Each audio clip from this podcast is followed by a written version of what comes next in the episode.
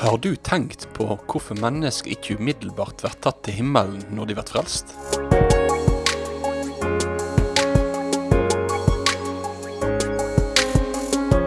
Velkommen til et nytt program av serien Ord til liv med radio- og TV-pastor Ingvald Kårbø.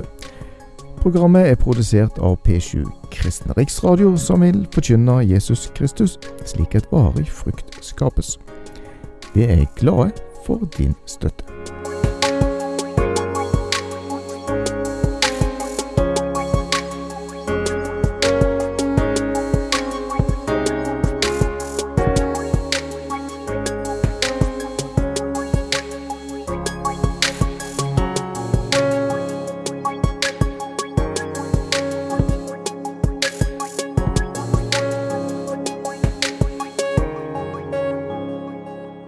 Denne serien av Ord til liv så holder vi på å undersøke arbeid og hvile i lys av Bibelens store historielinjer, som strekker seg ifra skapelse via syndefall til frelse og så den framtidige gjenopprettelsen.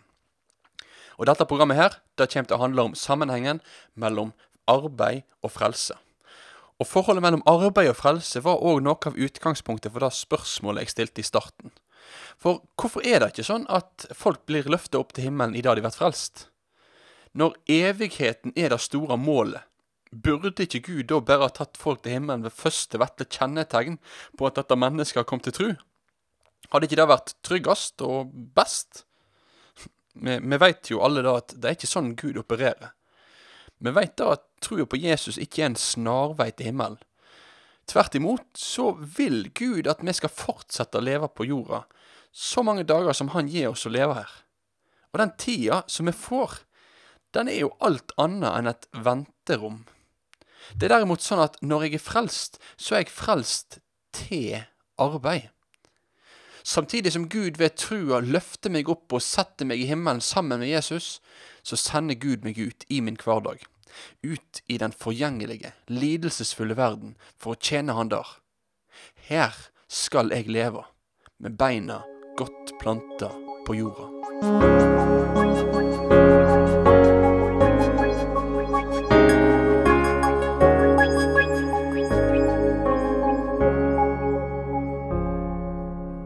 Leser sammen ifra Efeserbrevet kapittel 2 og vers 8 til 10.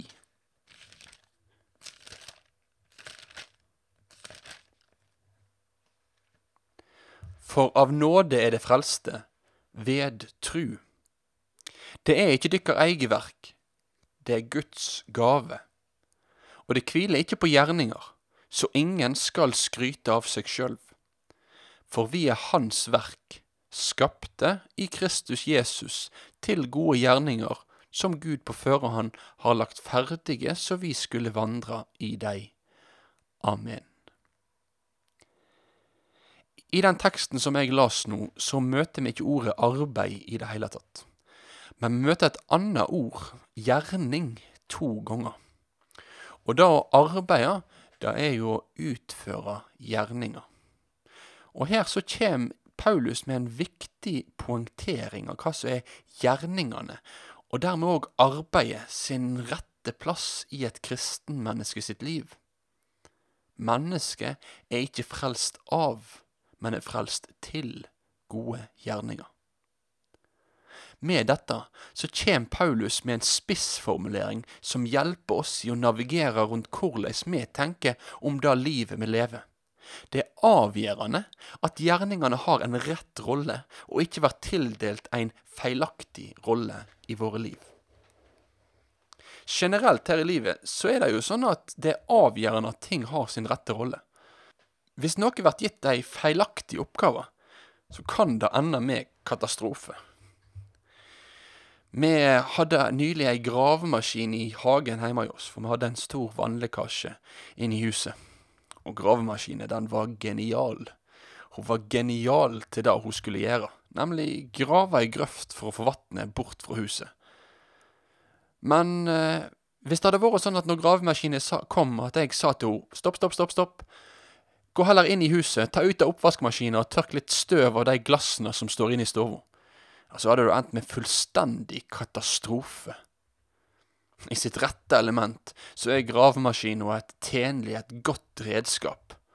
Men i feil element så er den et redskap som egentlig ødelegger alt. I og etter reformasjonen på 1500-tallet så var spørsmålet knyttet til gjerningene og arbeidet sitt rolle i menneskelivet ganske avgjørende og viktig å avklare. Det var viktig at arbeidet fikk ha sin korrekte, tjenlige rolle i menneskelivet, og ikke en feilaktig rolle som førte til fullstendig kaos. For å tilrettelegge det bibelske budskapet, så var det sånn at et av de pedagogiske grepene som reformatorene gjorde, det var at de prøvde å forklare dette med at mennesket lever i to retninger med livet sitt. Det er en retning oppover, under Gud og for Guds ansikt, og en retning bortover, overfor våre medmennesker og for verdens ansikt. Og hva er da rollen til mitt arbeid i disse to livsretningene? Ja, det er jo faktisk da den teksten fra Efeserbrevet sier noe om. La oss starte med retningen oppover. Hva rolle skal mine gjerninger ha i mitt liv for Guds ansikt? Hvordan påvirker mitt arbeid forholdet mitt til Herren? Efeserbrevet kapittel 2 er et av de kapitlene i Bibelen som understreker at forholdet til Herren ikke er basert på min egen innsats eller på mine egne gjerninger. Det er ikke noen grunn til å rose meg, for det er ikke min prestasjon hvis jeg er en kristen. Et rett forhold til Gud er noe jeg får. Det er noe som blir tilregna meg ved trua på Jesus. For når jeg kommer til tru på Jesus, så blir jeg hans, og da er jeg i Kristus. Og kapittelet før i Efeserbrevet, nemlig Efeserbrevet kapittel 1, er egentlig en eneste lang oppsummering av hva jeg ved tru har, hva jeg eier i Jesus. I Han har jeg tilgivelse. I Han er jeg hellig. I Han er jeg uten feil. I Han har jeg arverett hos Gud. Fordi Kristus er fullkommen, så får jeg òg være et fullkomment Guds barn i Jesus. Så i retningen oppover, for Guds ansikt, så sier Efeserbrevet at jeg i stedet for å stole på mitt arbeid, skal få stole på Jesus. I mitt gudsforhold så er det adgang forbudt for mine gjerninger for mitt arbeid. Der er det Kristus, og Kristus alene, som skal få gjelde. Og dette har òg praktiske konsekvenser for hvordan jeg og du lever våre hverdagsliv. Det betyr at når jeg kan kjenne meg som en, ja, det vi kan kalle en flink kristen, og kanskje jeg kan begynne å få en tanke inn i hodet mitt at jeg nesten fortjener det at Gud er god mot meg, ja, så må jeg minne meg sjøl på at nei, min innbilte dyktighet, den gjør meg ikke mer rettferdig for Guds ansikt. For i Jesus så er jo jeg allerede ved tru tilregna Hans fullkomne rettferdighet. Og det som er fullkomment, det kan ikke bli forbedra. Jesus, han er perfekt. Og hans perfekte rettferdighet, den gir han til deg og til meg. Og så får jeg ta imot det i tru. Motsatt vei så kan dette òg ha en praktisk konsekvens når jeg faller, når jeg svikter, eller når jeg kjenner at jeg egentlig ikke har så mye å stille opp med. Da skal jeg slippe å bli grepen av motløshet. I stedet for å fortvile og tenke at alt håp er ute for meg, så skal jeg få vite da at Kristi fullkommenhet og denne dagen dekker meg. Martin Luther han skal ha sagt at min rettferdighet sitter i himmelen så høyt at verken min synd eller min fromhet kan nå den. Jeg synes dette er et godt uttrykk som setter ord på akkurat dette. At det er Jesus som er min rettferdighet. Det er Han jeg skal få regne med i mitt gudsforhold. Mitt arbeid, det er utelatt, og godt er det. Jeg vert ikke frelst ved mine gjerninger, men ved Kristi gjerning for meg. Så fortsetter Paulus til å plassere gjerningene inn i sin rette rolle. For hva med den som vert frelst? Hva med den som tror på Jesus? Har det ikke noe å si hvordan en lever livet sitt? Vel, Efeserane 2.10 ser ut til å være et av de versene der Paulus forutser denne typen spørsmål. Og det han gjør, det er at han understreker at vi er Guds verk, og vi er skapt i Jesus til gode gjerninger. Når jeg blir frelst av nåde, hva skal jeg da bruke livet mitt på? Jo, jeg skal bruke det på å gjøre det som er godt. På å arbeide overfor mine medmennesker. Og her kommer nå denne andre retningen på menneskelivet. Retningen bortover. Overfor mine medmennesker er mine arbeidsoppgaver betydningsfulle. Jeg skal få vandre i de, vandre i møte med min familie, mine venner, naboer, kollegaer og andre mennesker som jeg tilfeldigvis treffer.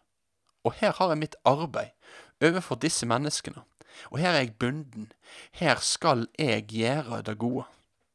Jeg er frelst til det. Og Dette fører meg da tilbake til spørsmålet som jeg stilte i starten. Hvorfor tar ikke Gud mennesket opp til himmelen på direkten?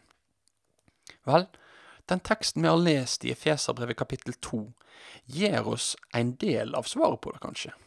For den forteller oss ei viktig side ved hensikten med våre liv. Hensikten med våre liv i dag er at vi skal gjøre godt mot de som vi møter på vår livsvandring. Kanskje du kjemper med dette spørsmålet. Hva vil Gud med mitt liv? Guds vilje i dag, at du elsker de du har med å gjøre. Og kjærligheten den handler ikke da om å sitte og tegne hjertet og skrive navnene deres inni. Nei, det handler om å handle overfor dem til deres beste. Hva gjerninger Herren legger klar for deg i dag, det veit ikke jeg. Men der Han styrer din vandring i dag, gir godt mot dine medmennesker, sånn at det kan verte de til hjelp. Gjennom dette så får ditt liv være til gagn for dine medmennesker, og til ære for Gud. Dette skal du få vandre i i dag, samtidig som din trygghet skal få være at overfor Gud, så er det den Jesus er, og det han har gjort, som gjelder. Amen.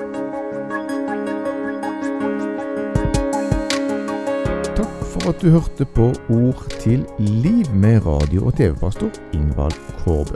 Jeg håper programmet har vært til velsignelse for deg. Vil du høre flere program fra samme serie? Ja, besøk oss gjerne på p20.no, eller last ned Ord til liv som podkast.